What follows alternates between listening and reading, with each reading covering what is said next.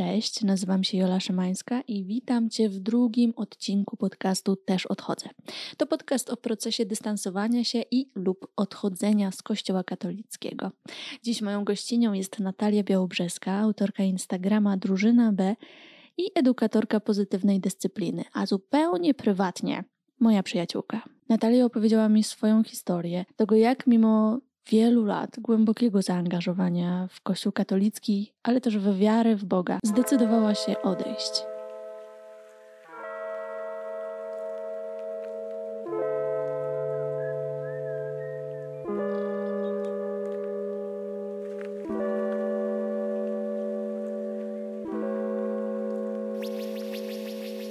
Cześć Natalia.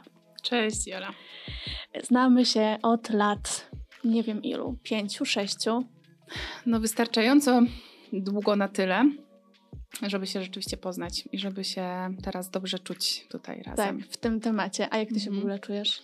Wiesz co, miałam tak wczoraj przed snem miałam taki stres, ścisł w, w żołądku, czułam to w ciele, mhm. że jak w ogóle pomyślałam o tym, że wiesz, będą różne tutaj tematy będziemy wyciągać, to zastanawiałam się, kurczę, e, jaki to jest ciężar tego, że to naprawdę waży mm, i że ten ciężar de facto niosę ja. I przez to, że go powiem, e, jakąś część o nim, to jakby nadal będę go niosła ja. Nie? I jak bardzo e, myślę, że ten mój stres, gdzieś tam jakiś lęk wiąże się z reakcją ludzi. Mhm. Dlatego, że no nie jesteśmy w internecie od wczoraj i wiemy, jak ludzie potrafią słuchać albo i nie, i jakie to ma znaczenie dla takich rozmów. Tak mhm. Tak więc, ale szczęśliwie z moją terapeutką uczę się obniżać lęk. Mm, uczę się różnych technik, więc, e, więc to działa i poradziłam sobie z tym, i teraz czuję się absolutnie dobrze. Mm, tak więc, e, no, tak więc jestem ciekawa, gdzie, gdzie tutaj zajdziemy w tych naszych rozmowach. Jesteś moją pierwszą gościnią, tak naprawdę, w ogóle pierwszym gościem w całej tej serii, e, właśnie dlatego, że w zasadzie to wychodzenie z kościoła, mam wrażenie, przeszłyśmy trochę razem, trochę równolegle, razem, a jednak osobno. I jest to takie ciekawe, że spotkałyśmy się lata temu, czy kilka lat temu w totalnie katolickich klimatach. Obie byłyśmy wierzące, bardzo zaangażowane, żyjące też tymi wszystkimi zasadami, ale też Ewangelią, tym wszystkim, czego naucza Kościół. Takie no mocno także emocjonalnie w to zaangażowane, mentalnie. Spotkałyśmy się wtedy i gdzieś tam odnalazłyśmy swój własny e, język. Przechodziłyśmy dużą część tej drogi razem razem takiego borykania się ze zdziwieniem, kiedy mówiłyśmy swoją opinię na różne tematy w kościele, ale, ale mówiłyśmy ją i, i także gdzieś tam spotykamy się w tym momencie, kiedy obie już chyba w kościele nie jesteśmy. Ja nie jestem już w kościele, a ty? Jak się czujesz? Jestem zdecydowanie poza. Mhm. E, nawet tak się określam. Mm, chociaż też chciałabym, żeby to było jasne dla ludzi, którzy nas słuchają, że to nie jest tak, że musisz się określić i już e, wiesz e, i przylepić sobie gdzieś jakąś łatkę, dlatego że te etykietki są mocno ograniczające. W takim sensie, że to, co ja powiem, że nie jestem w kościele, dla mnie znaczy na pewno co innego niż dla osoby, która teraz słucha, nie wiem, Wojtka, Kasi, Basi i Jacka. Mhm. Dlatego, że ich relacja z Kościołem i ich droga będzie inna. Więc też nie chciałabym się tak, wiesz, tutaj powiedzieć, że takiej prostej odpowiedzi dać, tak. nie? Takiej, wiesz, że teraz już wszyscy wiemy, aha, okej, okay, to, to już wiemy, co myśleć o Natalii bo e, ja jestem zbiorem bardzo wielu różnych doświadczeń, wielu myśli, E, wielu przeżyć i chciałabym, żeby osoby, które nas słuchają, miały tę ciekawość właśnie usłyszenia i poznania mnie, niekoniecznie zaszufladkowania i wsadzenia sobie do, gdzieś do półki. No ale tak żartując sobie, jak już ktoś mnie pyta, to mówię, że jestem taką bezdomną chrześcijanką, tak się czuję, o. dlatego że mm, w mojej duchowości czuję taką, no, mam ogromną potrzebę bycia, no właśnie gdzieś e, razem z tą Ewangelią, którą przyjęłam kiedyś, która która mocno wpłynęła na moje życie i nadal wpływa, ale zdecydowanie nie identyfikuje się z Kościołem katolickim. Mhm. A jak to się w ogóle stało, że ty znalazłaś się w Kościele katolickim właśnie? O rety, to, to jest dobre pytanie. Wiesz, nawet myślałam o tym, jakim, jak tak popatrzyłam sobie na linię czasu mojego życia, jakie miałam punkty zwrotne i jak wiele miałam momentów takich kryzysowych, które mnie w jakiś sposób określały i znowu nadawały nowy kierunek e, tej drogi. Było tego sporo, mimo że nadal w obrębie kościoła. Więc e, zacznę od tego, że ja pochodzę z rodziny, która nie jest rodziną e, katolicką, jakąś taką, wiesz, raczej wręcz przeciwnie, było tam dużo takich antyklerykalnych różnych rozmów, decyzji i tak dalej. Mm, więc to nie było tak, że ktoś mnie do tego kościoła z rodziny wpychał i mówił mi, masz iść w niedzielę do kościoła, wręcz w drugą stronę. Ja się znalazłam tak totalnie przypadkowo, ale też chciałabym to tak mm, określić e, jakby w miejscu, dlatego że kościół katolicki, polski jest bardzo specyficzny i w większości dzieje się w małych miastach bądź na wsiach. I tak też było u mnie. W moim mieście centrum to był kościół, potem to była szkoła, więc życie takie towarzyskie działo się albo na ulicy, gdzieś e, między blokami, gdzieś, gdzieś właśnie tam, albo właśnie byliśmy gromadzeni wokół kościoła. I pamiętam, jak e, byłam, nie wiem, miałam może 9 lat, jakoś tak. Moja koleżanka biegła gdzieś sobie do przodu i mówi: Natalia, Natalia, słuchaj, e, jest jakaś zbiórka do chóru, możemy śpiewać i w ogóle będzie super, chodź, idziemy się zapisać do chóru. I ja byłam podekscytowana tym faktem, bo lubiłam śpiewać, więc stwierdziłam: świetnie, no to lecę się zapisać do chóru. No jeszcze do tego trochę rangi dodało to, że tam trzeba było się dostać, trzeba było zdać mm. egzamin, ktoś cię musiał wybrać, potwierdzić, że umiesz śpiewać i tak dalej, więc jak już się dostałam, no to w ogóle byłam, wiesz, taka totalnie zajarana. I rzeczywiście rzeczywiście się w to zaangażowałam, ale to nie było dla mnie doświadczenie religijne, mm-hmm. tylko to było doświadczenie społeczne. Mm-hmm. Ja po prostu lubiłam tam chodzić, tam miałam koleżanki, tam coś robiłyśmy, śpiewałyśmy, byłyśmy, wiesz, ważne, fajnie ubrane w różne jakieś tam togi i tak dalej. To tak działało na początku. I to trwało wiele lat, bo aż do czasu bierzmowania. Mm. Które dla wielu osób jest uroczystym pożegnaniem się z kościołem w obecności biskupa.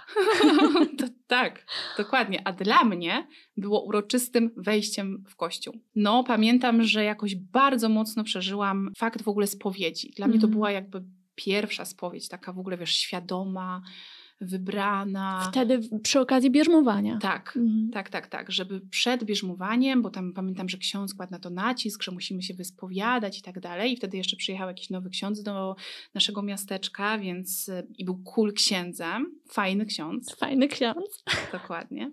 Ten typ. I on, wiesz, i on znowu zgromadził bardzo dużą, bo to był taki charyzmatyczny ksiądz, ogromną rzeszę dzieciaków e, wokół siebie, wokół parafii. Więc naturalne było, że chciało się do niej przy przynależeć. I w ten sposób ja czułam gdzieś to, nie, bo oczywiście to nie było nazwane przeze mnie, teraz to tak nazywam, że miałam e, takie przeczucie, że żeby tam należeć, muszę spełniać pewne e, normy, czyli na przykład właśnie być osobą zaangażowaną w kościół. No i tak to się zaczęło.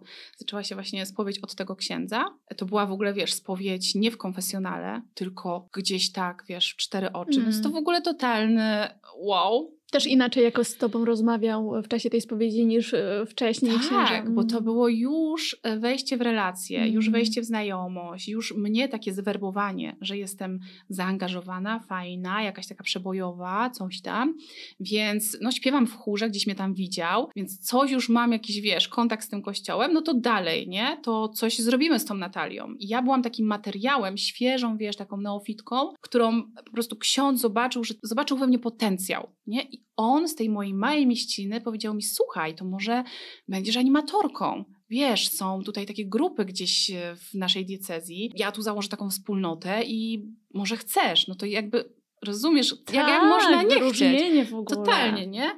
Więc, więc ja pamiętam, że ja to w ogóle przeżyłam jak jakiś, to, to naprawdę było dla mnie to, co gdzieś na świadectwach w kościele się słyszy takim nawróceniem, mm. tym takim momentem zwrotnym w moim życiu, gdzie ja poczułam, że przynależę naprawdę do jakiejś grupy, która ma znaczenie i ja mam znaczenie. E, I to odcisnęło ogromny, ogromny jakby ślad w moim życiu, dlatego że ten ksiądz potem został moim spowiednikiem, kierownikiem. Też e, ten ksiądz, e, jakby teraz po latach wiem, jak wiele było momentów, w których przekraczał swoje kompetencje, w których przekrzywiał i całą jakby duchowość i pobożność. W jaki sposób? Wiesz co, no chyba najwięcej to było przy spowiedzi, nie? że jakby miał jakieś swoje takie pomysły na spowiedź, gdzie mm, na przykład mówił, żeby się zwracać do niego tatusiu, Ojej. Tak, więc jakby to było, wiesz. Yy...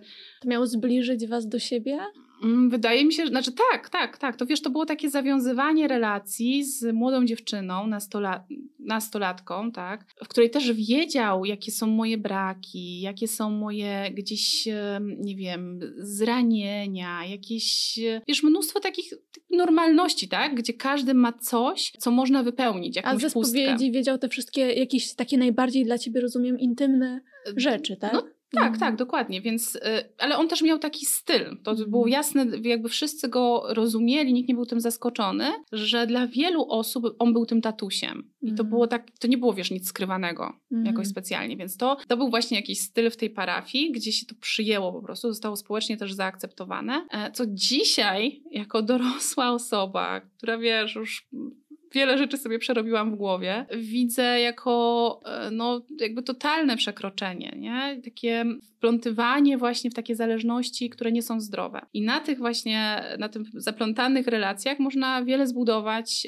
um, dobrego, ale też kiepskich rzeczy. I tak też było, nie? Że jakby mm, dużo rzeczy tam się działo takich angażujących, to było, wiesz, jak w kościele wiele rzeczy jest płynnych, że z jednej strony robisz coś dobrego, masz fajną wspólnotę, masz ludzi, których lubisz, e, z drugiej strony właśnie jesteś w relacji takiej duchowej, która jest zawiła, która jest, e, nie wiem, tu bliska, tu angażująca, tu właśnie powoli gdzieś e, w jakimś sensie przekraczająca. I to, jak się jest w danym momencie, jako osoba młoda, jako dziecko, w moim odczuciu trudno jest to zobaczyć. Mm. Że inaczej, gdyby gdyby to było, mm, znaczy w ogóle po prostu uważam, że to jest po prostu trudno zobaczyć. Mhm. Dlatego też wiele e, akcji, takich skandali związanych e, z Kościołem e, właśnie odbywa się na tej płaszczyźnie spowiedzi i relacji jeden na jeden. No tak, no bo to pozostaje tajemnicą, a często jest powiązane z różnymi rzeczami, których osoba spowiadająca się się zwyczajnie wstydzi, prawda? A myślę, że kiedyś ym, był taki moment, że ten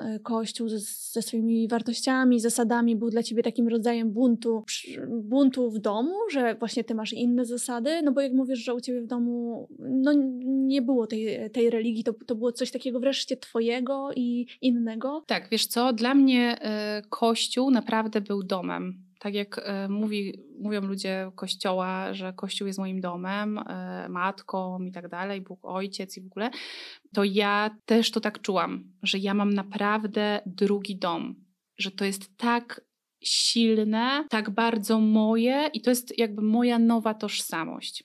Rzeczywiście zbiegło się to z moim dojrzewaniem i myślę, że też na tej kanwie dużo takich moich decyzji wyrosło, że one były opozycyjne do mojego domu i były jakąś formą mojego buntu, tylko taką też bezpieczną, w tym sensie, że wiesz, jakby rodzice, nie, tak sobie patrzą, mówią, a dobra, no lepiej niech łazi do tego kościoła, niż się szlaje nie wiadomo z kim i gdzie jeździ, nie, po świecie. Mm.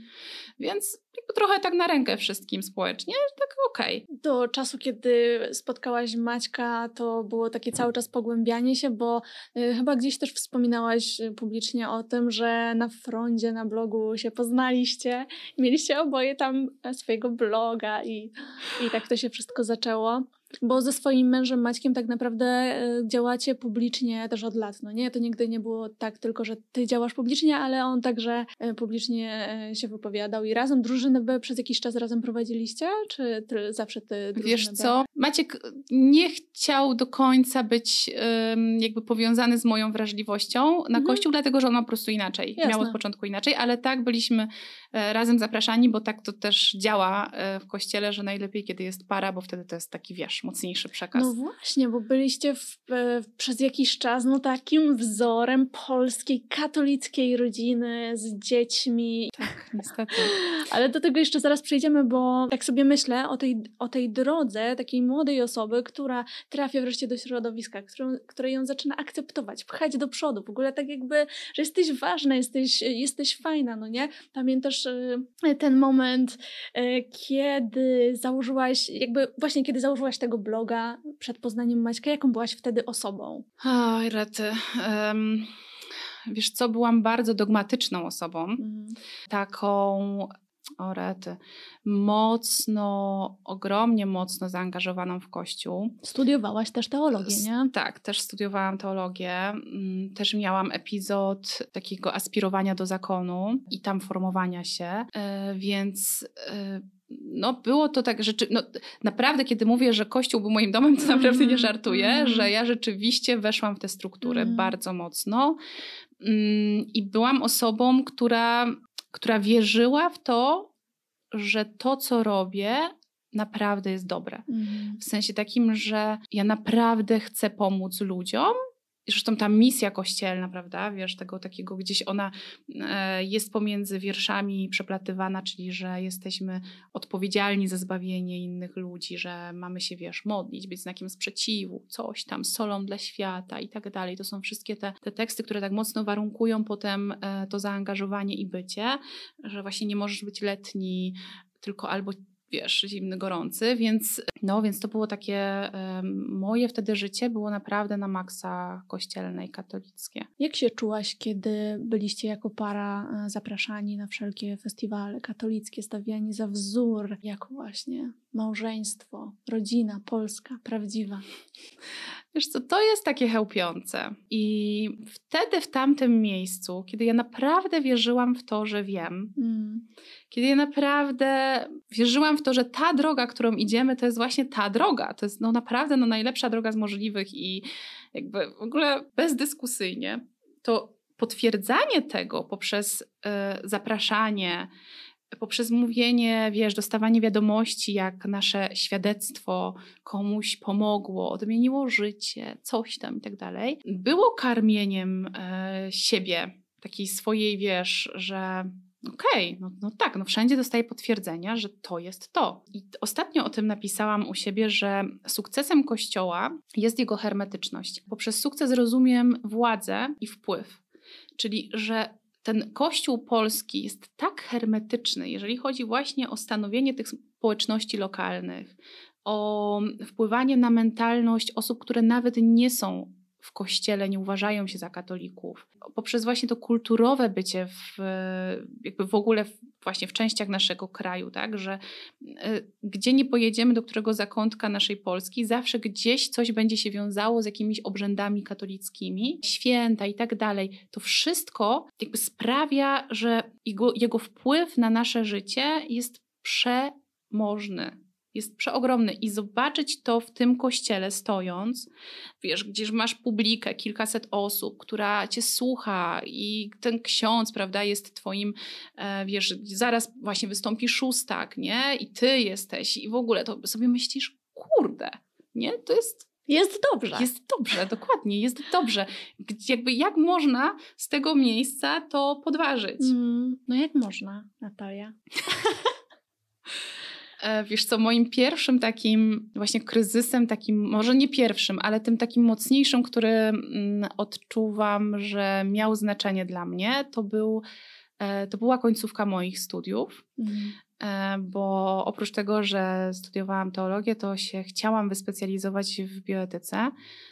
Był to temat dla mnie, jak, jak dla każdego katolika, oczywisty. No jesteś pro-life, masz działać za życiem, masz przekazać to światu, tak, że mm, właśnie gdzie jest początek życia, jakie mamy tutaj, wiesz, moralne możliwości i tak dalej. Więc to też była ta część, która bardzo, bardzo mocno mnie zaangażowała. I miałam takie totalne zderzenie, trochę jak z pociągiem, że kiedy ja zaczynałam pisać swoją pracę i to, no, jakby to już było, wiesz, po latach studiowania. I kiedy profesor, który jest znaczącą osobą właśnie w tej myśli katolickiej, bioetycznej, e, dawał nam kolejne jakieś źródła, kolejną e, gdzieś jakąś książkę podsuwał i tak dalej. I ja sobie te książki nagromadziłam, zakupiłam, wszystko wiesz. I zobaczyłam te wszystkie tytuły, zaczęłam to czytać. Miałam taką pierwszą myśl, że to jest głos, który jest tylko jednym głosem, a nie jest głosem wielu innych doświadczeń ludzi, wielu innych badań, e, naukowców, e, czy w ogóle szerzej po prostu jakby edukacji. że to jest jakiś jeden głos katolicki, który nie współgra ze światem i że jest ogromna przepaść, ogromny rozdźwięk, a ja nie dostaję możliwości na tych studiach, żeby go podważyć, żeby go z nim podyskutować, żeby nikt tam nie uczy krytycznego myślenia, czy właśnie grzebania w źródłach, czy wiesz, gdzieś e, do, po prostu poszerzania sobie tej perspektywy w danym temacie. I dla mnie to było tak trudne, że poświęciłam czemuś swoje życie, można mm. powiedzieć, no ileś lat studiowania i okazuje się, wiesz, takie jakby oświecenie, że kurde, to nie jest, jakby no, że ktoś wybiera mi tematy pod tezę ze swoim autorytetem profesora, z autorytetem uczelni, z autorytetem Boga, z autorytetem wiary i tak bardzo zawęża ten temat i że ja mam być po prostu kolejnym głośnikiem, który będzie o tym mówił. Powtarzał właśnie. Powtarzał, tak. Hmm. I było to dla mnie bardzo trudne. Ja się wtedy wycofałam z tego, ale też nie umiałam wtedy tego nazwać. Um, nie, widziałaś takiej, nie widziałaś takiej możliwości, że by na przykład zaproponować, a czy mogłabym to porównać z innymi badaniami, czy coś? To jeszcze... W ogóle nie. Mhm. Nie, dlatego że no właśnie mm, nie było klimatu. Wiesz, rozmowa zawsze toczyła się ta akademicka rozmowa, toczyła się trochę tak mm, na zasadzie, mm, no u nas jest prawda. Kościół to jest miejsce prawdy, tak? To my mamy prawdę pełnię objawioną, to my wiemy, to my jesteśmy miejscem, do którego inni mają dojść i się nawrócić, reszta ma szczątki jakiejś prawdy. Mm. Więc kiedy tak wygląda rozmowa, e, no to trudno jest rzeczywiście krytycznie myśleć. E, nie mówię, że tak mają wszyscy studenci. Prawdopodobnie są tacy, którzy jednak zdobyli się na takie, wiesz, e, właśnie wychodzenie z jakimiś tematami, ale dla mnie wtedy było to rozwaleniem części mojego życia. Mm. I było to na tyle właśnie trudne, że nie umiałam się wtedy z tym zmierzyć i tego nazwać tak, jak teraz nazywam. Po prostu się wycofałam. Ale nadal byłam osobą, która ciągle gdzieś w tym kościele była obecna, bo przecież wtedy właśnie weszłam w związek małżeński i też pod sztandarem kościoła i też e, dzieci i nasza obecność nadal gdzieś na jakichś e, konferencjach, więc ciągle ta kontynuacja gdzieś e, była, tak? To wielkie pragnienie mm, i lęk przed pustką, mhm. że mm, myślę, że też był podświadomy, że po prostu no to jest moje życie, nie? To jest właśnie to, z czego wyrastam, to jest ta moja tożsamość, jeżeli ja ją wyrwę z siebie, to co zostanie? Ten podcast nie mógłby powstać bez wsparcia moich matronek i patronów w serwisie Patronite, dlatego każdy odcinek jest dla nich dostępny z tygodniowym wyprzedzeniem. Jeżeli tylko chcesz wesprzeć moją pracę i poznać innych ludzi, którym na niej zależy, możesz do nich dołączyć na Szymanska. Zapraszam. Wypisałam sobie e, kilka rzeczy, o które chcecie zapytać na, na końcu. Rzeczy, o które właśnie często się słyszy, kiedy się jest w kościele, że jeżeli odejdziesz, to to się wydarzy albo to stracisz. E, I, I przypomniałaś mi, że jedną z takich rzeczy jest właśnie to straszenie tą legendarną pustką. Bo spotkała cię pustka? Jakby żyjesz w pustce, czujesz tę pustkę? E, wiesz co? Mm skłamałabym, gdybym powiedziała, że nic nie straciłam. Mm. Straciłam, bo, bo w kościele też znalazłam pewne na tamten czas dla mnie rzeczy, które mnie w jakimś sensie ratowały, w jakimś sensie mi dawały odbicie skądś, właśnie chociażby, wiesz, moje małe miasto, tak, jakby coś mnie aktywizowały gdzieś i tak dalej. Więc to było jakieś tam dobro, które widzę. I jednocześnie właśnie to jest ta, e, ta funkcja taka socjalizacyjna kościoła i parafii, e, czyli że masz przyjaciół, którzy z tobą są, bo tak się rozumiecie, e, i tak bardzo wam jest to bliskie, że się bardzo mocno zżywacie. Nie? ja tak też miałam, więc czułam gdzieś podświadomie, że jeżeli ja teraz e, powiem dość, nie? że jakby to już nie jest moja część, ja już, to już jakby nie jest moja tożsamość, ja już się czuję innym człowiekiem. Moje myśli są już inne, moje przekonania są inne, moje wartości są inne, to że ja z tą część stracę. Tych e, przyjaciół. Na przykład, właśnie, nie? Że że jakby to miejsce gdzieś. I to się rzeczywiście dzieje. Ja to też y, określiłam u siebie, że to jest takie kancelowanie ludzi. Mm. E, tylko to jest takie ciche. Chociażby, prawda, mam znajomych, którzy mają e, jakieś tam swoje gazety i ja wiem, że już nigdy w tej gazecie nie będę. Mhm. Nikt mnie nie zaprosi, już nie pogada ze mną, e, chociaż one powiedzmy nie są związane jakoś tam religijnie, tematycznie, ale ja wiem, że oni wiedzą, że prawda, no ja już nie jestem, nie, nie utożsamiam się z Kościołem, więc wypadam z tego kręgu. Mhm. Jakby, no i to się dzieje na takich wielu polach, więc w tym sensie ja wiedziałam, że będzie jakaś strata, ale wiedziałam, jaki będzie zysk. I myślę, że to, o co y, pytasz, to bym nazywała bardziej, że właśnie Kościół dla mnie jest miejscem, był miejscem, który budował mnie na lęku. Nieustannie takim lęku przykrytym wieloma pięknymi słowami, obietnicami, błogosławieństwem Bożym, ale to zawsze było warunkowane. Mm musisz być lepsza, musisz się lepiej starać, bardziej modlić, bardziej wierzyć, bardziej zaangażować, być bardziej czysta, e, być skromniejsza, być jakaś tam, być bardziej oddana, być bardziej zaangażowana, być lepszą matką katoliczką, dawać przykładu i tak dalej. I było bardzo wiele różnych warunków i ciągle gdzieś ten lęk. I ja to mocno czułam, że ja tak jestem właśnie zbudowana, że ja idę do kościoła, spowiadam się, robię różne rzeczy i podstawą jest głęboko zakorzeniony lęk. Pamiętam taką rozmowę z przyjacielem, którego też w pewnym sensie straciłam właśnie z racji moich decyzji, że jak, jak rozmawialiśmy o tym kryzysie w kościele, bo mój kryzys trwał latami i on też miał kryzys. I tak wiesz, gadamy o tym, i tak yy, byliśmy na bardzo podobnym takim poziomie zaangażowania. I ja mówię, że słuchaj, ja zdecydowałam, że nie jestem w stanie chodzić do kościoła. Ja po prostu nie jestem w stanie chodzić na msze, patrzeć na księży, mnie to mocno triggeruje. Ja czuję po prostu, jak jestem cała, pocą mi się ręce, drżą mi ręce, nie umiem się skupić. Ja po prostu fizycznie i psychicznie nie jestem w stanie. I on tak mówi, no dobra Natalia, no ale to ile jeszcze tak nie będziesz chodzić? Ja mówię, nie wiem, ja po prostu czuję, że nie mogę tam iść z lękiem, że nie dlatego chcę być w kościele, mm. jeżeli mam być w kościele. I on tak patrzy na mnie i mówi tak, no ale a sakramenty? Nie boisz się? Jak odejdziesz? I mówię tak do niego, ale czego ty się boisz? No jak to czego? No potępienia. O kurde.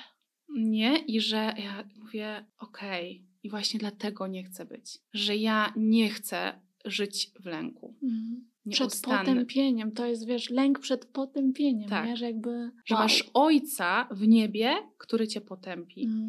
I ja już wtedy byłam na takim poziomie e, doświadczenia w mojej duchowości, że miałam takie doświadczenie Boga, że ja mówię, słuchaj, i w tym mi pomogło macierzyństwo, bo to o, ogromna zmiana w mm. macierzyństwie. To jakby w ogóle poziom, wiesz, empatii względem siebie samej, to w ogóle naprawdę wyrobiło we mnie właśnie spotkanie z moimi dziećmi. Ja mówię, wiesz co, gdybym ja wiedziała, że moje dziecko przeszło wiele traum, doświadczyło przemocy, było w różnych e, właśnie traktowane, no źle po prostu, właśnie w tym domu, w tym kościele i ono już nie ma sił tam być. Ono po prostu tam się kuli siedzi w tym zakątku w kościele, gdzieś znalazło sobie jakiś pokój fajnych ludzi, ale naprawdę cały czas się boi, to nie byłabym w stanie jako matka w tym domu powiedzieć mu: Ja cię potępię, jeśli z tego domu odejdziesz. Że jakby gdybym tak myślała o Bogu, to nie chciałabym takiego Boga spotkać po śmierci. I Moja praca duchowa polegała na tym, żeby zmi jakby zmienić w sobie ten obraz, że właśnie no, nie chcę takiego Boga spotkać, jeżeli on taki jest. Mhm. Ten pierwszy kryzys, y, tak jak mówisz, nastąpił przy okazji pisania pracy magisterskiej, ale walczyłaś tak naprawdę dalej latami o to, żeby jednak siebie samą przekonać, że okej, okay, dobra, to jest tak, ale. No i co było potem, ale? Ale nie ma innej drogi. To jest to, o czym ty powiedziałaś, e, jakby twoje pytanie, czyli co dalej? Jakby co, w ogóle jest jakaś opcja poza kościołem? I to też jest kolejna jakby odsłona tej hermetyczności. Przez brak takich doświadczeń wielokulturowości, tego, że mm, ja nie mówię tutaj o świadomości, bo wiadomo, że jesteśmy ludźmi inteligentnymi i tak dalej, oczytanymi w ogóle, więc jakby tak racjonalnie wiem, że są ludzie, którzy wierzą inaczej, mhm. mają, są różne kościoły i tak dalej, i tak dalej, ale doświadczenie tego, właśnie tej różnorodności uwalnia, a ja tego nie miałam. I jeszcze byłam w tak właśnie hermetycznym środowisku, wiesz, katolicka uczelnia, teolożka, grupy, moderatorka, animatorka, coś tam, e, tutaj influencerka katolicka, tu redaktor, e, wiesz, jakby i, i wiele, wiele, wiele kolejnych rzeczy, kolejnych tych etykietek, które mnie po prostu jakby ryglowały mi drzwi przed zobaczeniem, że kurde, gdzieś jest, czy jest jakaś opcja, ten świat jeszcze naprawdę, doświadczenie tego, tej inności może być uwalniające. I dla mnie takim momentem, bo przypominam, że e, specjalizowałam się w bioetyce, więc e, katolickiej, ogromnym, ogromnym przeskokiem był, e, była podróż w Stanach z Maćkiem, kiedy przejechaliśmy przez 17 tych stanów, takich katolickich, w sensie chrześcijańskich, i tam zobaczyłam, jak wygląda ich pro-life. I zobaczyłam, że nie ma kuźwa billboardów z rozszarpanymi płodami, nie ma e, straszenia, jakiś, wiesz, oczywiście nie mówię, są grupki fanatyków, innych jakichś tam, wiesz, bardzo m, mm, takich, jak to powiedzieć, bardzo określonych grup, tak to nazwijmy delikatnie, e, które pikitują i robią różne swoje akcje. To jest jasne. I na tym też się wzoruje nasz polski pro-life. Ale jak przyjechaliśmy sobie przez te Stany, to ja zobaczyłam, że oni rozmawiają zupełnie jakby na innym innym poziomie z ludźmi, nawet w takiej formie reklamy, że w ogóle u nich jest jakaś troska o kobietę, że ktoś tam w ogóle na tych billboardach mówi o kobiecie, że może masz problem, może się boisz, może jesteś, nie wiesz, nie masz pieniędzy, może potrzebujesz porady, zadzwoń, nie? Jakby... Wsparcie, wow, tak. wsparcie dla kobiety. Tak, przy jednocześnie istnieniu, wiesz, Plan Parenthood, gdzie sobie gdzieś tam było, nie, jakby, wiesz, i dla mnie to było takie zderzenie, że ja mówię, co?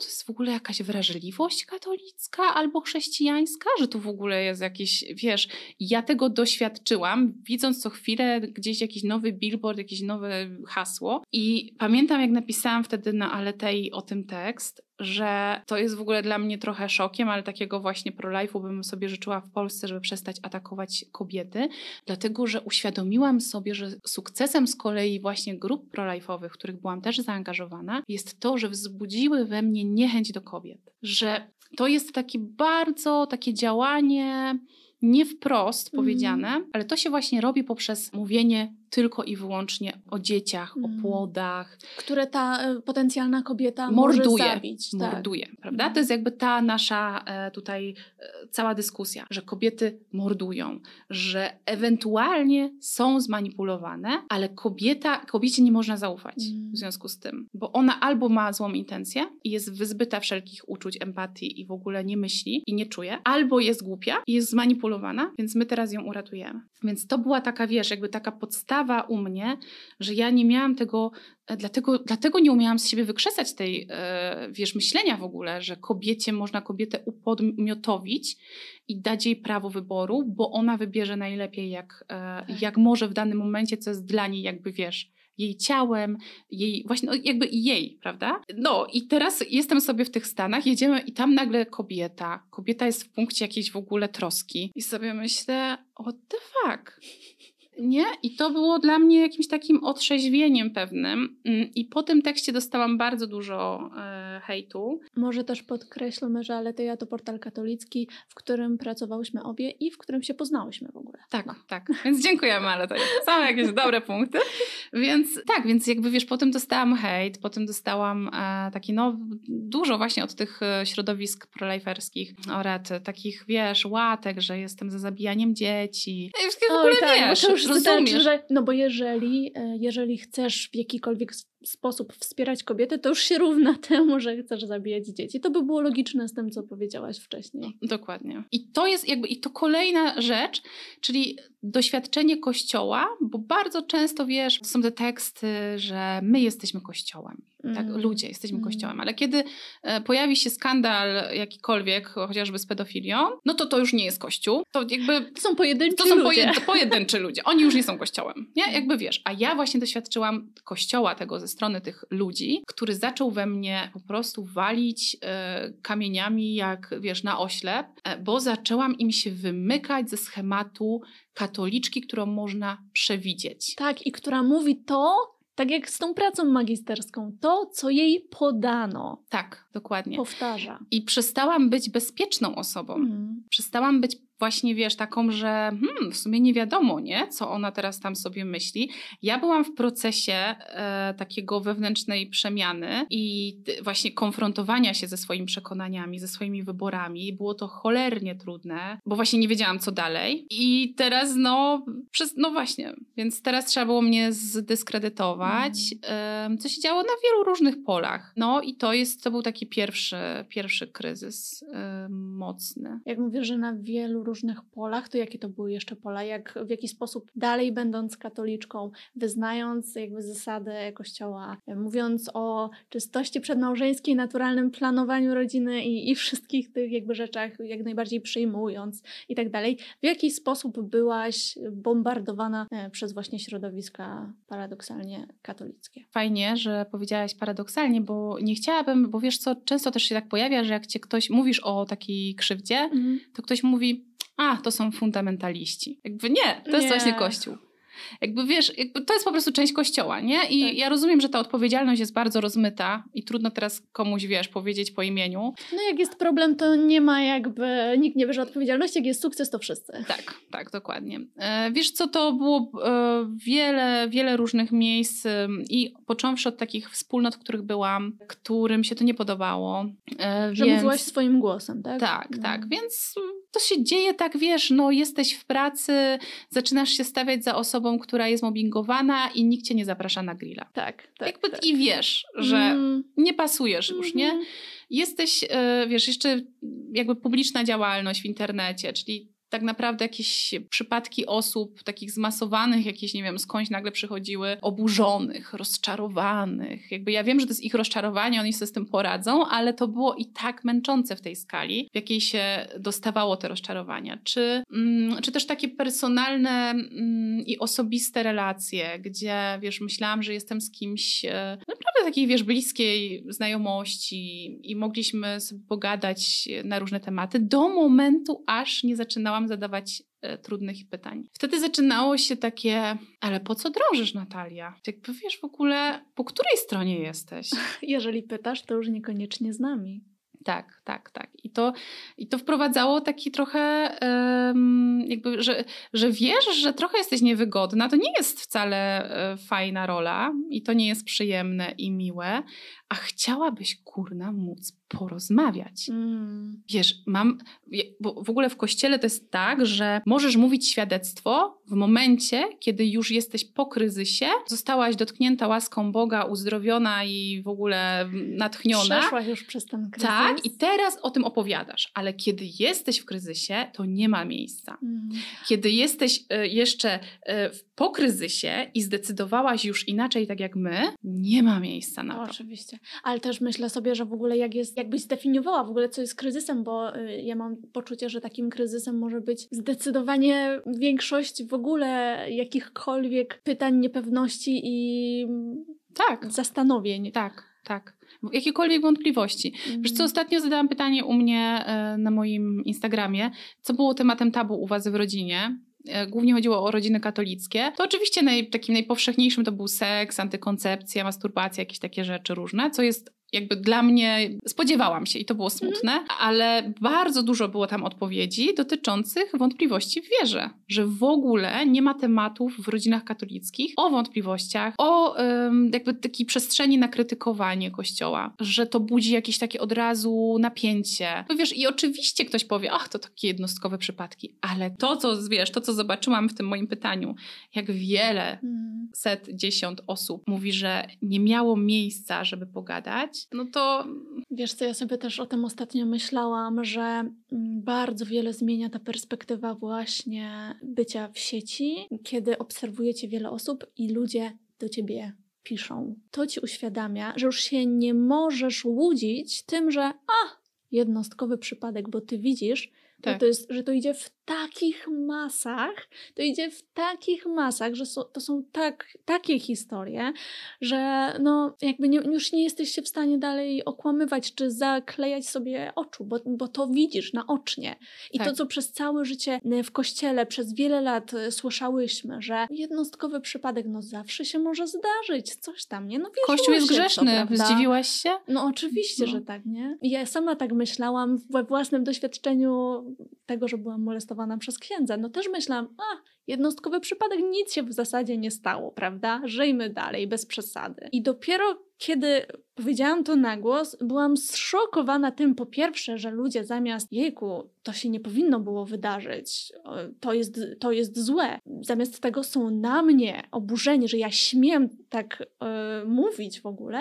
A druga rzecz to były te setki, no po prostu, jeżeli nie tysiące historii ludzi z całej Polski, którzy mówili mi o swoim doświadczeniu nadużyć nie tylko seksualnych w kościele. I to nie pozwala ci, to ci już zabiera ten taki wygodny płaszczyk bez przesady. Przyszłam tutaj z, taką, z takim kawałkiem, który sobie zaznaczyłam, jak czytałam e, Rebekę Solnit, Matka Wszystkich Pytań. I to, do, to do czego ty powiedziałaś odnośnie um, tego, że na to, jak opowiedziałaś o swoim doświadczeniu, reakcja ludzi była zatykamy uszy i mhm. zatyk- zakrywamy oczy, nie chcemy tego słyszeć, to jest tak albo trudne, albo niewygodne, albo męczące. Ja widzę teraz, jak e, zaczynają ludzie coraz więcej rozmawiać o Kościele i o jego ciemnych stronach, i wielu katolików e, pisze: Jestem już zmęczony tym tematem. No to już jest to, jakby. Bo to jest takie przykre, prawda? Tak. I że wiesz, właśnie, i jak,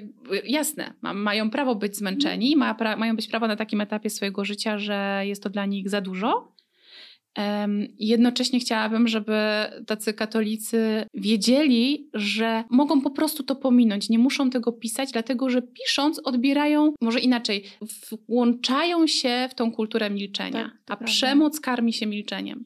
I właśnie tu mam taki zarąbisty e, fragment, który przeczytam. Niekiedy już sam fakt, że możemy mówić, że ktoś nas słyszy, że ktoś nam wierzy, decyduje o naszej przynależności do rodziny, wspólnoty i społeczeństwa. Czasem nasz głos powoduje, że te struktury pękają, bo czasem te struktury są więzieniem. A kiedy słowa przełamują to, co niewymawialne, rzeczy dotąd tolerowane społecznie stają się nie do zniesienia. Ludzie, których te zjawiska nie dotykają, często nie widzą i nie odczuwają ich skutków, lecz dzięki opowieściom problem do nich dociera i nie mogą go dłużej unikać. I myślę, że to jest to, co my teraz robimy. Ja nie chcę ludzi triggerować jakimiś, wiesz, historiami, no, które są rzeczywiście trudne do uniesienia. Dla mnie trudne do uniesienia, e, więc wyobrażam sobie, że dla kogoś też mógłby być. Ale marzę o tym, żeby ludzie, tu szczególnie katolicy, nauczyli się słuchać. Żeby spróbowali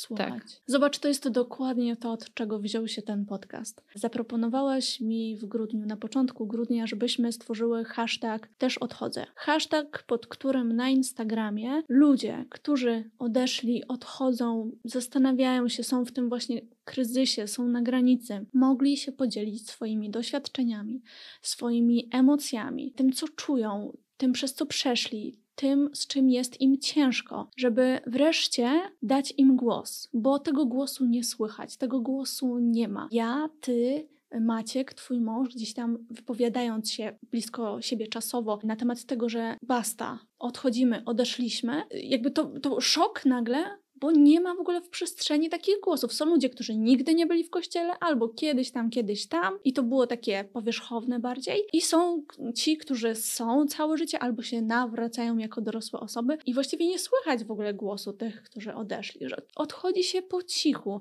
odchodzi się niezauważonym, odchodzi się z takim poczuciem, już nikt mnie nie chce, z takim poczuciem, ja miałam takie dosłownie. Takiej banicji, nie? Tak, ja miałam poczucie bycia takim wyrzuconym śmieciem. Wyrzuconym wyrzuconym śmieciem, nikomu niepotrzebnym, nie chcemy cię tu. To było to, co najwyraźniej z niej poczułam, czego najwyraźniej z niej doświadczyłam. Stworzyłyśmy ten hashtag, ludzie zaczęli się dzielić i, I, widać było, że ta potrzeba jest duża. W ogóle wielkie dzięki dla ciebie, że to wymyśliłaś, zaproponowałaś. Ludzie zaczęli się dzielić swoimi historiami, historiami, na które nie było dotąd nigdzie miejsca.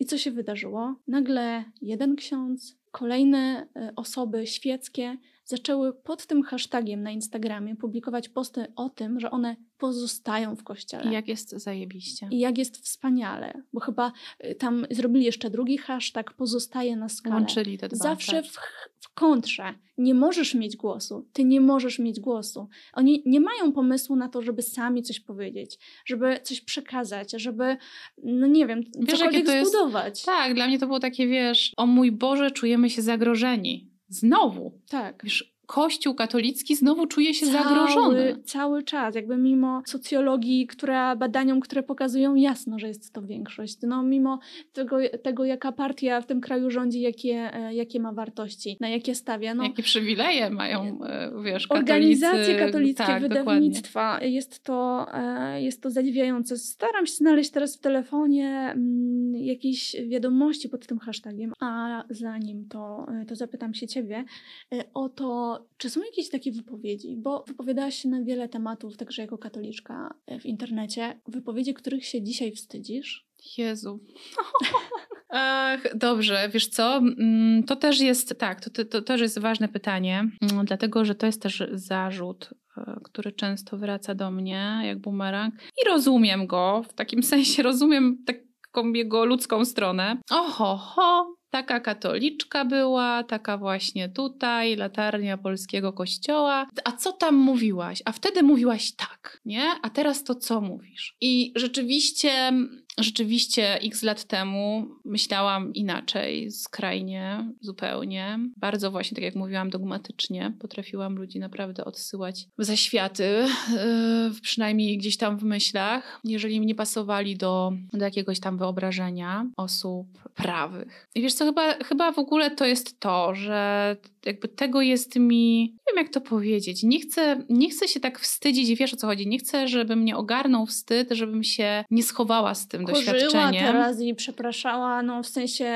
wiesz, jakoś tak po prostu zawstydzała tym, że kiedyś miałam myśleć zupełnie inaczej. No tak, bo jak właśnie, bo tak jak mam nadzieję, to jest takie jasne, że, że ja naprawdę wyrastałam, tak, dojrzewałam w tym mm. kościele, byłam kształtowana i formowana bardzo mocno i nie miałam takich narzędzi, żeby to podważać tak. wtedy. E, że to przyszło z czasem, z doświadczeniem rodzicielstwa, małżeństwa, poszerzaniem właśnie mm, też doświadczenia świata innych ludzi i tak dalej, i tak dalej. Więc tak, więc na pewno nie chciałabym e, tak wpaść taki wstyd, który mnie zamknie. Tak wiesz, na zasadzie, że Jezus Maria to się nigdy nie wydarzyło, nigdy więcej o tym nie powiem, bo wydarzyło się. Niestety yy, mówiłam i pisałam rzeczy, które dzisiaj bym nie napisała, nie podpisałabym się pod tym. Jest mi żal i siebie z tamtego czasu, w takim sensie, że szkoda mi siebie po prostu. Wiesz, bardzo łatwo jest wstawić na piedestał młodą osobę. Bardzo łatwo jest zrobić zrobić z niej w cudzysłowie jakiś autorytet. Dać jej znać,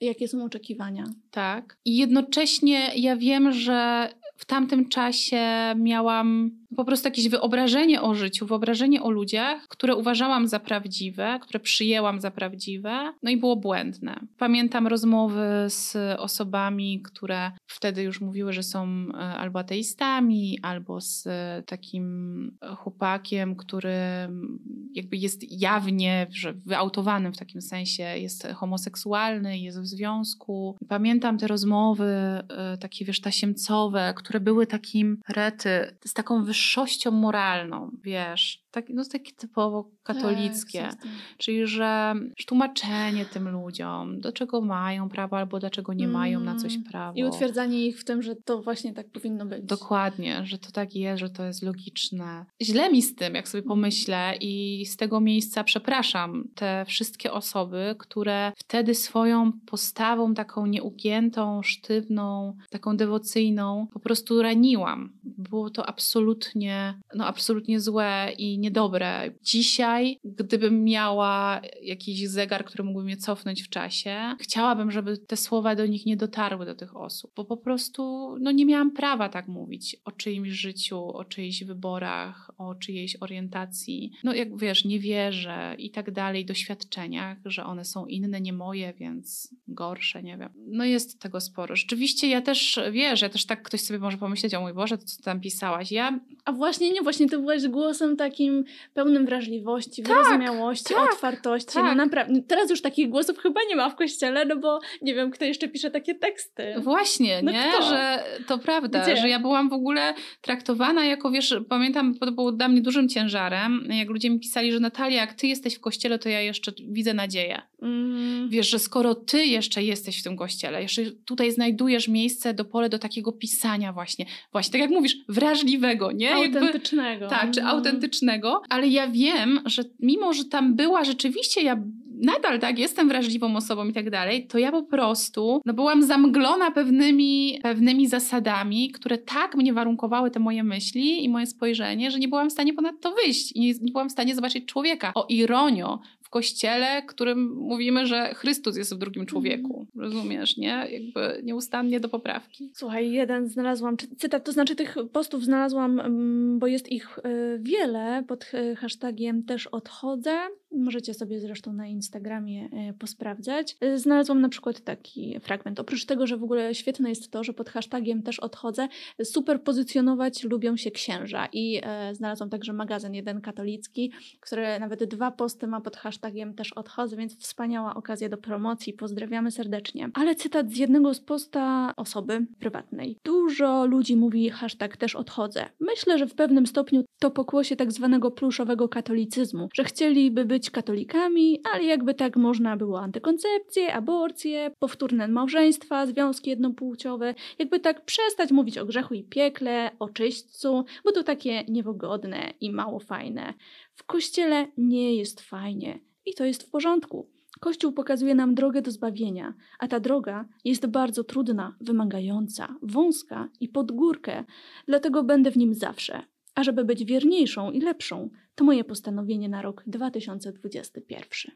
No, no co szczęścia, jakby Życzę wszystkiego dobrego, szerokiej drogi. Pluszowy katolicyzm. Myślisz, że e, reprezentowałaś sobą w kościele pluszowy katolicyzm, który chciałby po prostu nie trudzić się i iść na łatwiznę, bo ta pani nie idzie zdecydowanie na łatwiznę, mówi, że wybiera tę trudniejszą drogę. Wiesz co, no, czytam takie teksty, jak, no, jak teraz ty, i mam takie, wiesz, że mi się plączą słowa i myśli, bo tu jest tak wiele wątków, jak to w ogóle skomentować? Tam jest tak wiele osądów, tak wiele jakichś założeń właśnie na mój temat. E, ojejku, notorycznie miałam przy okazji tej akcji też odchodzę takie poprawianie mnie i strofowanie, że powinnam doczytać sobie coś w Biblii. Och, albo... tak, bo ty nie znasz Biblii w ogóle. Nie, w ogóle. E, że powinna, gdybym spotkała fajnego księdza, albo żebym przesłuchała sobie jeszcze te rekolekcje. Mm. A wiesz w ogóle, się... że też są takie wspólnoty, w których jest naprawdę miło i fajnie, no, takie wspólnoty Oczywiście. charyzmatyczne no. i naprawdę takie mądre. Ty Jestem po prostu za mało, za mało znasz znasz, za mało byłaś, bo pewnie bardzo powierzchownie w ogóle poznałaś Kościół. Tak, tak, tak, zdecydowanie. Ja no. przepraszam za ironię, ale też jakby spotkałam się z wieloma takimi właśnie pouczeniami, takimi, takim traktowaniem, jak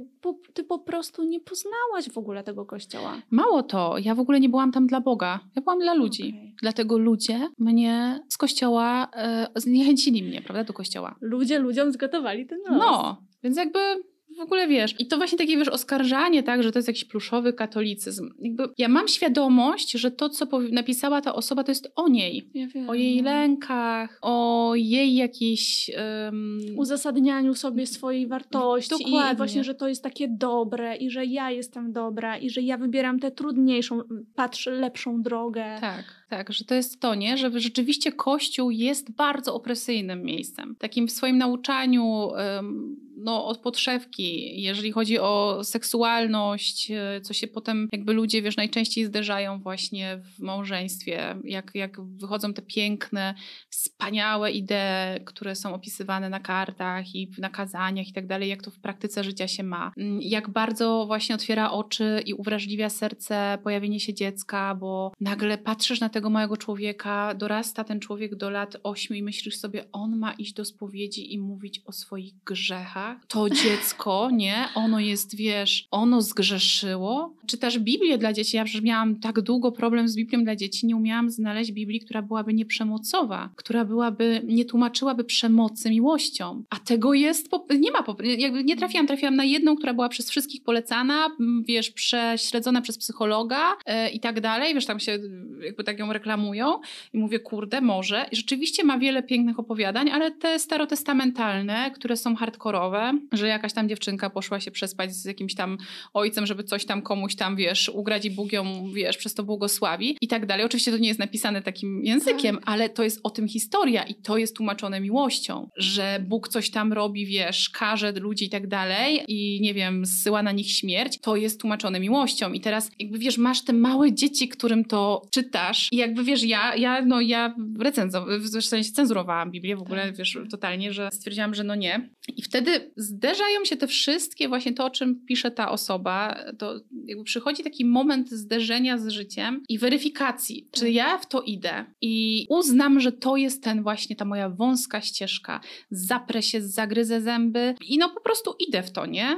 I tak będę żyć i będę po prostu, wiesz, miała tutaj swoje od punktu pierwszego do punktu pięćdziesiątego różne zasady, a jak nie będę wiedziała, to zadam pytanie na forum, czy katolik może, czy katoliczka może i ktoś mi odpowie, ksiądz mi na pewno powie, gdzie mam iść i co mam robić i jak mam żyć i wtedy czuję się bezpiecznie, że mogę nie brać za to odpowiedzialności. Hmm. Za to odpowiedzialność bierze Bóg, bo to On mi albo daje zsyła błogosławieństwo albo nie zsyła. Za to odpowiedzialność bierze Kościół i jakby ja to rozumiem w tym sensie. Mhm. Ale ja tego w ogóle nie biorę już do siebie. Wiesz co, jestem na takim etapie mojego życia, gdzie kiedy zapytałaś mnie o to, czy coś straciłam i co jest dalej, to dla mnie naprawdę zysk jest uwalniający. Jest, to jest cudowne. To jest cudowne, jak ja teraz żyję ze sobą, jak ja przeżywam moje życie jak ja w ogóle to jest niesamowite, no to jest niezwykłe, że ten lęk, który gdzieś tam już był zasiany wiele lat temu przez różne sytuacje i tak dalej, ja oczywiście sobie teraz to przerabiam na terapii i uczę się sobie to wszystko, wiesz, jakby układać i radzić sobie z tym, ale ja już sobie nie dokładam kolejnych mm. rzeczy. Co najbardziej zyskałaś? Wolność wolność i taki pokój w sercu, jeżeli chodzi o moją duchowość i o moją relację z Bogiem że ja się go nie boję. W takim sensie wiem, że oczywiście zaraz pewnie ktoś powie, a gdzie bojaźń Boża, gdzie bojaźń? No, gdzie, gdzie ta bojaźń, nie? Ale y, wiesz, nie, nie, właśnie nie boję się go w takim e, sensie, jak rozmawialiśmy, nie? Jak rozmawiałyśmy tutaj e, o doświadczeniach różnych osób i moich bliskich, którzy boją się śmierci. Ja miałam orety. Do 30 roku życia miałam duże, e, duże naprawdę różne lęki związane też ze śmiercią. Owszem, że to też ma związek z różnymi moimi doświadczeniami właśnie traumatycznymi też i przemocowymi związanymi związanymi z kościołem, ale jakby wiesz, to się tak nabudowuje, nie? I teraz ja, ja nie mam takich, czuję, że nie pakuję sobie do tego plecaka mm. rzeczy, które mnie obciążają. No mam pokój w relacjach, że w ogóle, wiesz, rozmawiam z ludźmi, poznaję nowych ludzi i ja nie czuję w ogóle jakby, że nie wychodzi ze mnie żaden jakiś osąd. Tak. Taki na zasadzie wartościowania, czy to jest osoba, z którą mogę mieć relację, bo jest wartościowa. Jakby w ogóle wiesz o co chodzi, że to... Czy odczuwasz coś takiego, że jakby już e, wiesz, że jak kogoś spotykasz, to liczy się ta relacja, a nie to, czy ta osoba będzie teraz oceniała cię, czy ty sprostasz jego zasadom, czy nie. No Dokładnie. bo jest też coś takiego w tych wielkich, wspaniałych, najwspanialszych, cudownych relacjach e, zaangażowanych katolików z zaangażowanymi katolikami, że niby fajnie, niby cię wszyscy lubią, ale spróbuj właśnie zadać to pytanie, ale spróbuj cokolwiek powiedzieć nie tak. To już w najlepszym razie będzie milczenie, prawda? Od tych niby przyjaciół, z którymi przed chwilą piłaś kawkę. Tak, tak, tak, tak. Wiesz co, no jak, e, wiesz co, jest, e, to jest też problem, że tak jak powiedziałaś, że nie ma tej przestrzeni w kościele na mm, dyskusję i na wątpliwości i tak dalej, to przez to też, nawet jak ja inicjowałam takie rozmowy, bo tak jak mówię, mój, ten mój kryzys trwał latami, więc ja też szukałam gdzieś w wśród tych ludzi e, jakiegoś odbicia z moimi, e, no z moim trudem, tak? Chyba najbardziej takim e, też no, miażdżącym doświadczeniem była kwestia pedofilii, kolejnych skandali,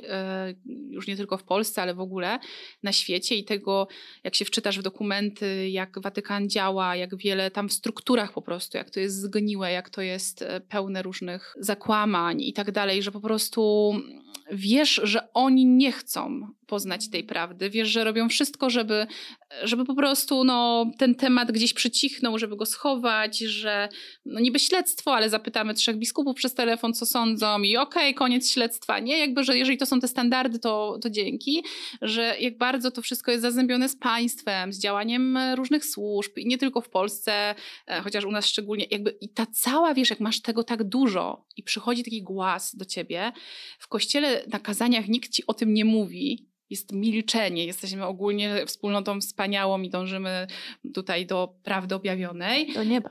Do nieba, tak. No, ewentualnie tam czasem atakują niektórzy gdzieś na zewnątrz, więc jakby tu nie ma rozmowy, we wspólnotach nie ma rozmowy, więc jak idę prywatnie i rozmawiam z katolikami i widzę, że te tematy są w ogóle nieprzedyskutowane, niepoukładane w żaden sposób w głowie i jest opór, żeby w ogóle to zderzyć, nie? Więc zostajesz sama. I jakby to, to było dla mnie takie totalnie miażdżące, że ja nawet rozmawiając z księdzem, który jest naprawdę wysoko w naszych e, tutaj e, tam różnych hierarchii w kościele i naprawdę jakby, i rozmawiając z tym księdzem, zadając mu wprost pytania, widziałam, że on jakby nie wie, co ma powiedzieć. I zaczyna się tak zwane jąkanie. Tak. Takie charakterystyczne jąkanie. I zmienianie, wiesz, tematu, odbijanie, zmienianie jakiś, wiesz, tutaj, to, to jest cała taka, no właśnie ta struktura, nie? I zostajesz z tym sama. I teraz ja, już będąc teraz z taką perspektywą właśnie, że to już jest za mną, że już jestem w innym miejscu, czuję, że jak poznaję nowych ludzi, to no właśnie, że oni nie muszą już, my, my, już się nie oceniamy tak. na zasadzie, czy ty jesteś takim katolikiem, czy ty jesteś jakichś kolejnych deklaracji, że po prostu ja jestem ciekawa ciebie, mm. jakim jesteś człowiekiem, co masz do powiedzenia, jakby wiesz, jaka jest twoja historia i tak dalej, że jak wiesz, jakby to już nas buduje, nie? Czyli nie czujesz się, bo tutaj jedno z zagrożeń, które nieraz sama też słyszałam w kościele, że jeżeli odejdziesz, to będziesz samotna, bo to w kościele są ci najbardziej wartościowi ludzie. Poza kościołem są ludzie, którzy. Zbłądzili.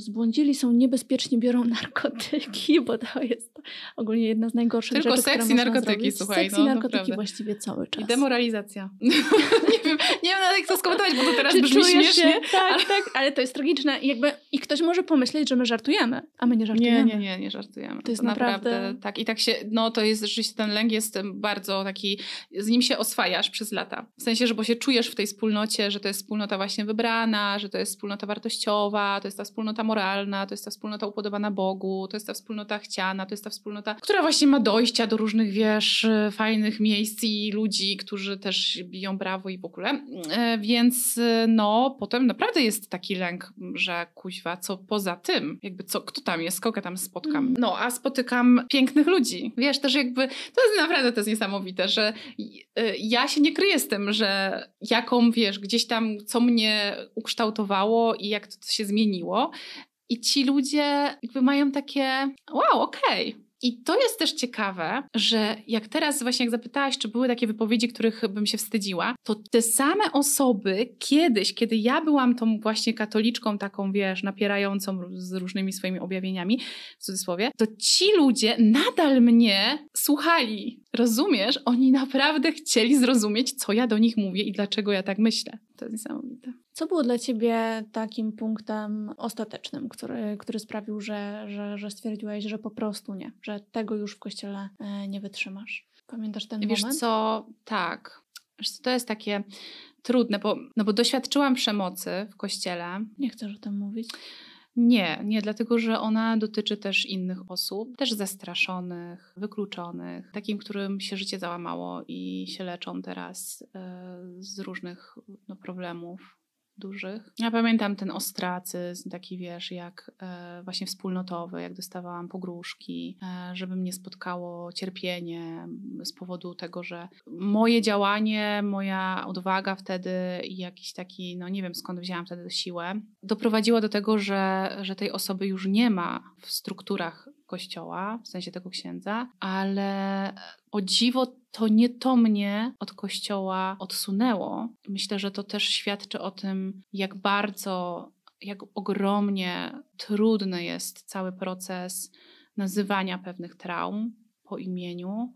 W ogóle, wiesz, skonfrontowania się z tym, co się wydarzyło, będąc dalej w tej społeczności że mimo tych, e, tego właśnie mm, takiego wywalenia z tych wspólnot i tego całego Ty ataku. zostałaś wywalona? E, znaczy, no w tym sensie takim, wiesz, że już jakby wszyscy mi dali jasno do zrozumienia, no, że, że, że, już nie, mm. tak? E, że, no. I jakby opowiedzenia się, kto, wiesz, że, to, że ja jestem tą osobą, która um, skrzywdziła. Księdza, który był przemocowy. Tak. I który został usunięty, więc na pewno był, było to coś poważnego. Tak. O dziwo, nie? Że jakby to nie to mnie e, złamało. Złamało mnie to, kiedy no właśnie wychodziły kolejne skandale pedofilskie w kościele i ja zobaczyłam, że nobody cares że nikomu nie zależy. Znaczy nikomu. No tak jakby mam nadzieję, że rozmawiamy jak wiesz, tak w tym sensie, że ludzie, którzy słuchają to wiedzą, że nie wszyscy mężczyźni, nie wszystkie kobiety tak, i tak, tak dalej, nie, tak, wszyscy, nie katolicy, wszyscy katolicy. Ale że, że to właśnie tak bardzo działa ta cała sieć wyparcia i zrzucania odpowiedzialności na ofiary, że to jest aż od samego dna do samego czubka, od Limanowej, słynnej ostatnio, aż po Watykan. Pamiętam, jak podpisywaliśmy w Polsce taki, mm, byłam jedną z sygnatariuszek, e, list do biskupów, do całego episkopatu, właśnie taki, wiesz, żądający tego, Oj, żeby pamiętam, się... Pamiętam, Właśnie, było tam wiele takich ważnych nazwisk, żeby, e, żeby coś zrobili. I pamiętam, jak szukałam nazwisk też takich osób, wiesz, wpływowych w miarę, tak. katolickich. Fajnych, znanych księży. I, ale też świeckich. Mhm. Którzy, żeby, żeby właśnie się podpisali. To był tylko podpis. I pamiętam, jak taka jedna osoba, znana bardzo, taka twarz, wiesz, gdzie wszyscy wiedzą, że jest zaangażowaną e, ta osoba katoli katolikiem, czy katoliczką i ona mi pisała, że nie, nie chcę w tym brać udziału. Wiesz, nie, nie, nie, nie podpiszę się. Nie po uważam, prostu? że trzeba się w to mieszać, bo mnie to nie dotknęło. Ja mam mhm. fajną wspólnotę. Mnie coś takiego nigdy nie spotkało i nie chcę czegoś takiego. Potem kolejni, nie? Jakby kolejni tacy ważni ludzie, też, też właśnie no, wydawałoby się wykształceni pod kątem psychologicznym w ogóle i też jakby nie nie? Jakby kolejni, i kolejni. I zobaczyłam, że wybucha kolejny skandal, jeden za drugim. To po prostu było jak, wiesz, jak torpedowanie na świecie, bo tu Ameryka, tam Chile, tam coś, tam, tam Australia, tu, wiesz, Polska i w ogóle. I, i ciągle gdzieś te bomby wybuchały, a w Polsce nie było katolickiego wkurwu. I było wiele katolików, którzy udawali, że nic się nie dzieje. Tak. To jest kosmos.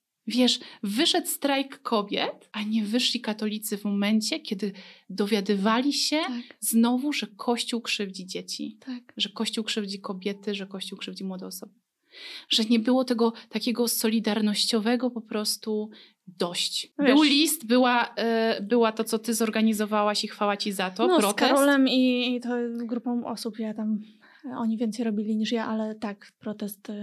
Ale to jest także... garstka, wiesz. No, został wyśmiany nasz protest, a Właśnie. ten list chyba ja też się pod nim podpisywałam. O Jezu, odpowiedź na niego była żenująca. Tak, albo to był list też a propos i pedofilii, i także finansowych tych wszystkich rzeczy kościoła. Tam było kilka chyba wątków, tak, prawda? Tak, tak, tak, dużo. Tak. To się mhm. tym, pod tym podpisywałam. I co? I nic. I chyba nie zareagował ktoś tak, że mm, dostaliśmy i tyle. Nie było czegoś takiego. Tak, tak, tak. To była jakaś taka odpowiedź taka w ogóle, że dziękujemy. Fajnie, że może słyszymy. Jakby, no dokładnie, coś takiego. Że słyszymy, mm. co tam napisaliście, ale jakby, że coś tam może zrobimy. Mm. I tyle, nie? I jakby wiesz, ale chyba bardziej już tak, wiesz, hierarchia to tam jedno, nie? Każdy mm. wie, że tam nie ma co liczyć na, na, to, na tą zmianę, ale chodzi o ten oddolny głos, że po mm. prostu ci ludzie, nie? Którzy siedzą w tych domach, przy tych, wiesz, idą do kościoła, rzucają na tacę, siedzą, y, wiesz, razem w ławkach wspólnotowych, że nie było tego świętego gniewu, który byłby absolutnie uzasadniony. Jakiegoś, nie wiem, jakiegoś ruszenia po prostu katolickiego. Już nie porównując do Jezusa, wiesz, który tam kupców przegania. Powywalał, tak, z świątyni, co byłoby adekwatne, nie? I nie było tego. I ja sobie pomyślałam, wiesz... Nie było nic. Nawet nie było nie było ani troszkę, nie? Nie było nic. Tak. Była taka cisza. Jakieś dyskusje gdzieś na Facebooku. Tak. I jeszcze atakowanie tych, którzy mają odwagę coś mówić, nie? Mm. I ja pomyślałam sobie, kuźwa, w tym moim domu zostałam tak zraniona i ja wiem, że tu nikt za mną nie nikt. stanie i że ja po prostu muszę z niego wyjść. Mm. Dla siebie, dla swojego zdrowia psychicznego, dla dobra swoich dzieci, dla swojego szczęścia, dla swojego życia, nie? Że ja po prostu muszę z tego wyjść. Ja nie jestem w stanie kolejny raz czegoś organizować, podpisywać się, pokazywać swoją twarzą, mm. w cudzysłowie firmować to i, i, i, dawać komuś nadzieję, że w tym kościele, ponieważ ja jeszcze jestem, to można znaleźć coś tam Pewnie można. Jak wiesz, kiedyś porównałam, że to trochę jak właśnie z takim, wiesz, mieszkaniem wielo, z wieloma pokojami, nie? Że tak trochę jest, nie? Jest jakaś przemocowa rodzinka, w sensie, że rodzice prowadzą totalnie toksyczny dom na totalnie toksycznych zasadach i w różnych pokojach gromadzą się różni ludzie. I my sobie znajdziemy taki pokój, usiądziemy w nim, będziemy się wspierać, będziemy widzieć siebie, że okej, okay, damy radę, jeszcze tu wytrzymamy. O może... ile mieszkamy w dużym mieście. Dokładnie. Dokładnie. Ale jak wyjdziesz z tego pokoju, to i tak cię dosięgnie ta toksyczność tych rodziców. I Chyba, tak... że zamkniesz oczy i będziesz tak chodził już po domu tak, dokładnie. z zamkniętymi oczami, z rękami na oczach. Dokładnie. A często też jest tak, że właśnie kiedy ktoś jest e, kozłem ofiarnym w takiej rodzinie, to dostaje jeszcze po głowie, tak? Nie wychylaj się. Tak? No właśnie to, co się dzieje. To są te takie schematy, które sobie tak trochę właśnie porównuję do domów, e, do rodzin polskich, ale to jest to. No i Um, no i to było takie totalnie dla mnie łamiące. No po prostu ja czułam już się taka, wiesz, złamana, że ja, ja już po prostu wiedziałam, że nie, że, że nie mam na to sił. Jeżeli ktoś mi teraz mówi, że byłam tam dla ludzi, że powinnam poczytać Pismo Święte bardziej albo posłuchać fajnego księdza, to ja myślę sobie, nie, teraz ja chcę być usłyszana. Czy po tym, jak na e, Instagramie, chyba też na Facebooku, no ogólnie publicznie ogłosiłaś, że, że nie utożsamiasz się już z Kościołem katolickim, odezwały się w ogóle do ciebie osoby, jacyś znajomi księża, jakieś osoby zaangażowane w Kościele e, ze wsparciem albo w ogóle z czymkolwiek?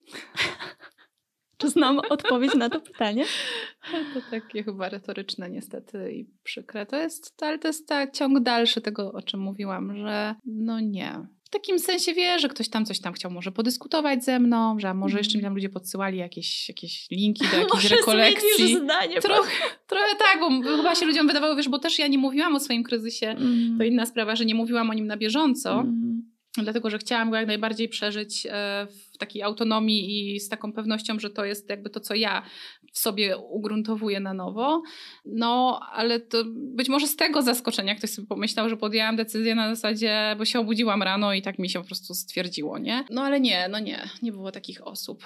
Po tylu latach, zobacz, po tylu latach zaangażowania, inwestycji takiej w ogóle całego swojego życia, e, swoich życiowych wyborów, nikt nawet nie zadzwoni, żeby ci powiedzieć, Natalia, ale możesz wciąż na mnie liczyć. Pamiętaj o tym. Taka prosta rzecz. Po tylu latach i takich ponoć głębokich relacjach. Zbudowanych na miłości bliźniego. Co się wydarzyło na Twoich e, mediach społecznościowych w takim razie, bo już wiemy, że prywatnie nikt się nie odezwał?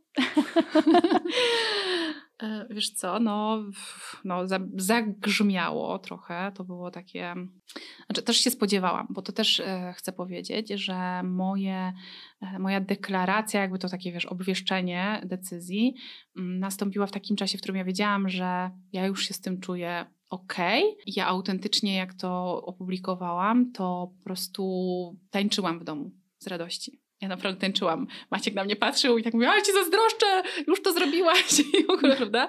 A ja po prostu czułam się taka, po prostu jakbym zrzuciła z siebie jakiś, nie wiem, 30-kilogramowy plecak i wiedziałam, że już jakby, wiesz, te słowa, które gdzieś tam będą się obijać, te pretensje, żale, rozczarowania, inne rzeczy, to już jakby się ode mnie odbije, że tak. to już jakby już nie, nie absorbuję tego. Już nie jestem tą, wiesz, tą gąbką, która teraz to będzie się potem wyciskać. Oczywiście, no, było właśnie, to tak jak mówię, no największe to chyba najczęściej pojawiało pojawiające się słowo to było, że rozczarowałaś mnie. E, jakaś jedna taka e, dziennikarka katolicka mm, znana napisała takie jakby trochę z pogróżkami takimi pod, co prawda pod wpisem mojego męża, ale ona spisała jako o drużynie B, że jesteśmy dziecinni, że to przedszkole, że to coś tam, że ona o nas napisze jakiś artykuł, że właśnie byliśmy taką ostoją, a teraz co? Zdanie sobie nagle zmieniamy i w ogóle wiesz, jakby to w ogóle ma prawo do mojego życia, nie? Do moich tak. decyzji.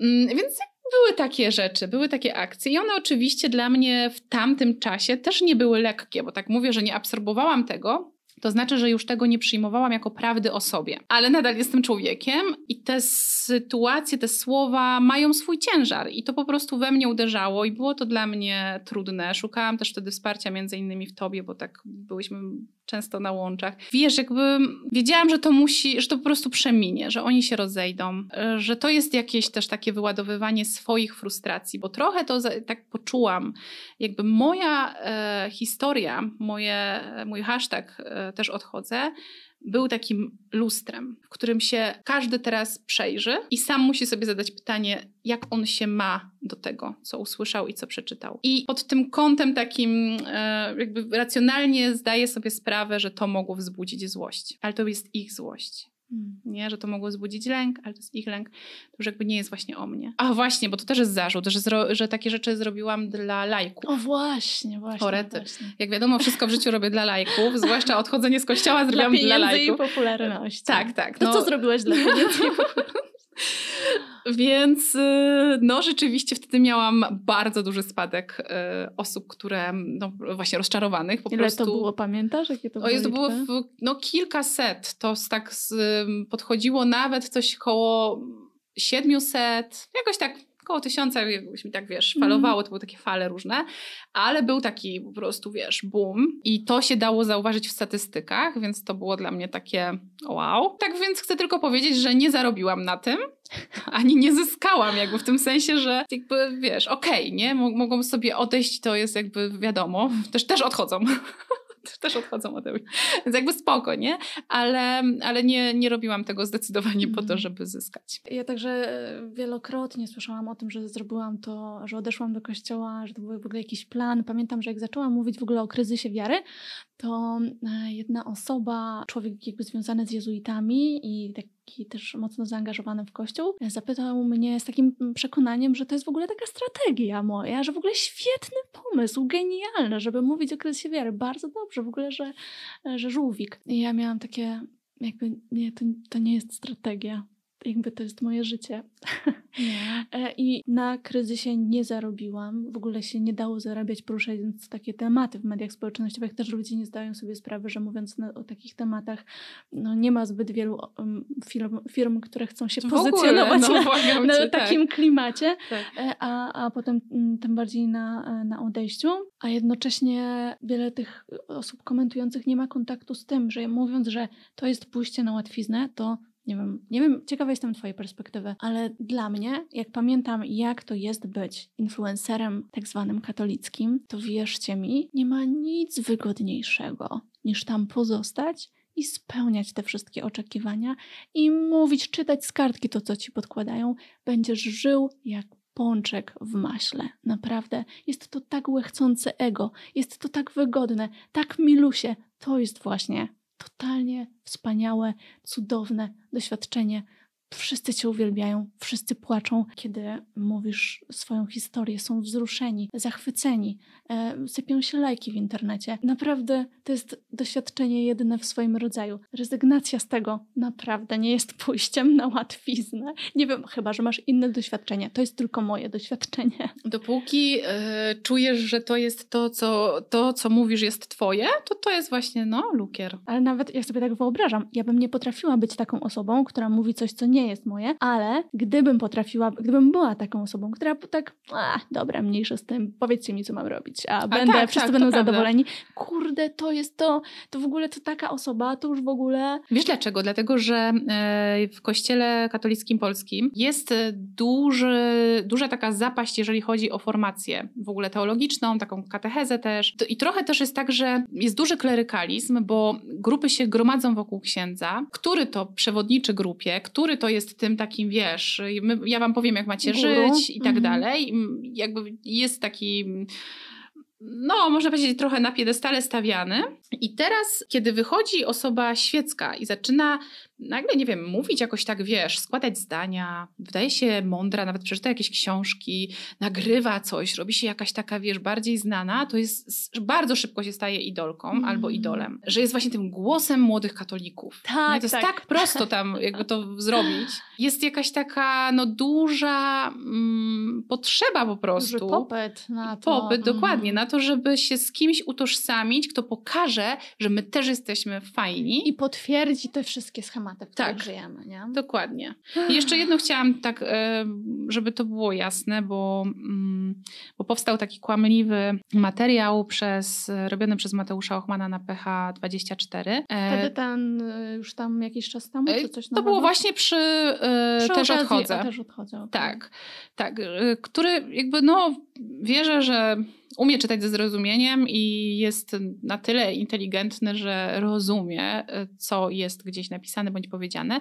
Więc zakładam, że po prostu skłamał w jakimś celu, że właśnie wymieniając tam mnie z imienia i nazwiska, że tą akcję też odchodzę, zrobiłam po to, żeby zachęcać ludzi do odejścia z kościoła. Otóż nie. I to już jakby też ty wyjaśniłaś cele tej naszej akcji, ale ten materiał cały czas wisi, więc podejrzewam, że tam będą ludzie, którzy będą po prostu tak myśleć. No ale nie. Tak jak powiedziałaś, to jest miejsce dla osób, które są gdzieś w jakimś procesie odchodzenia albo po prostu kryzysu i które chcą o tym opowiedzieć. I niezależnie od tego, czy wy słuchając tego podcastu jesteście osobami wierzącymi, niewierzącymi w kościele katolickim, w protestanckim. Może jesteście muzułmanami, a może jesteście w ogóle niewierzący, a może właśnie w protestanckim, prawosławnym. Jak, jakby to jest nieważne, bo my dzięki temu, jakby po tym wyjściu już naprawdę nie myślimy tym schematem, nie myślimy tym, co od dziecka właśnie, nie wiem, ja, ja słyszałam, wierzący czy niewierzący, jakby to było najważniejsze pytanie. Dokładnie. Najważniejsze jest, żebyś mi tylko zadeklarował, czy wierzący, czy niewierzący, a jeżeli wierzący, to w kościele, czy tak bez kościoła yy, i żebyś to się określił, to już wiem, kim jesteś. Jakby tutaj, w tym podcaście nie ma miejsca na takie schematy, na takie, na takie szufladki. Mówimy o swoim doświadczeniu. Ja mówię o swoim doświadczeniu. Moi goście mówią o swoim doświadczeniu. E, jest to przestrzeń na rozmowę, przestrzeń, której nie ma. To przestrzeń tworzę dla osób, które chcą bez żadnego lęku porozmawiać i zastanowić się, bo najzwyczajniej w świecie każdy z nas ma do tego prawo. I tyle. Nie zachęcamy nikogo do niczego, tym bardziej, że jak sami słyszycie, proces wychodzenia z Kościoła katolickiego, jeżeli było się osobą zaangażowaną w ten Kościół, jest procesem niesamowicie trudnym, obciążającym i absolutnie nigdy nie, nie namawiałabym do niego osób, które nie mają bardzo silnego wsparcia, e, które nie mają jakichś możliwości, na przykład także skorzystania z pomocy psychoterapeuty, psychologa, czasem psychiatry. Tu nie chodzi o to, żeby robić to, co często się robi w kościele, nieważne, tam nie idź do psychologa, pójdź do egzorcysty, a później kończysz w szpitalu psychiatrycznym, bo tak często się dzieje, jeżeli twoje różne zaburzenia, twoje problemy psychiczne zostaną wykorzystane właśnie w ten e, około egzorcystyczny sposób. My tego nie robimy i zdecydowanie nie zależy mi ani nam na tym, żeby tym podcastem wykorzystać e, czyjeś słabości, kogoś przekonać do czegoś, kogoś zaciągnąć do czegoś.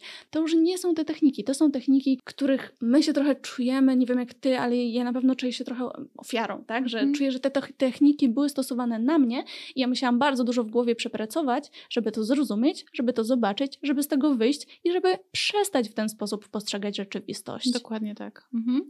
Bo też jest, wiesz, wiele takich, ja miałam też przy tym okazji, też odchodzę, takich naprawdę zdziwień i szoków ludzi, że ale jak, gdzie coś takiego w ogóle usłyszałaś z mm, kościoła? Jak, mm, gdzie coś, ja w ogóle mm. nigdy na coś takiego nie trafiłam albo nie trafiłem.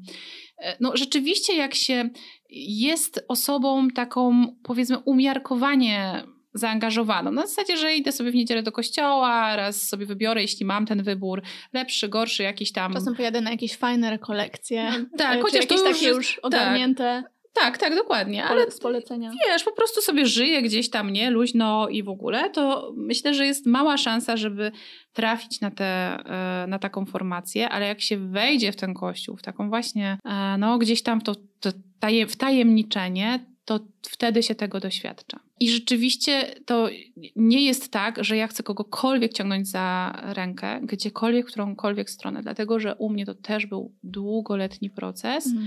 związany z mnóstwem różnych moich rzeczy, osobistych, ale też właśnie wspólnotowych, które są moje po prostu i nikogo więcej. I nigdy nie miałabym odwagi mówić komuś, chodź, chodź, no chodź, chodź. Jakby wiesz, no już, już, nie? Tam tak. jest beznadziejnie i teraz jakby, jakby w ogóle, bo to nie o to chodzi, właśnie, tak. bo to nie chodzi o to, że gdzieś jest beznadziejnie, a gdzieś nie jest beznadziejnie, tak. tylko chodzi o człowieka, nie? Który jest w danym miejscu i jak on w tym miejscu funkcjonuje i jak on się czuje. Ja się czułam źle, czuję się teraz szczęśliwa i o tym mówię. Bardzo Ci dziękuję, a z Wami wszystkimi mówię sobie do zobaczenia w kolejnym odcinku podcastu. Też odchodzę. Dzięki, cześć.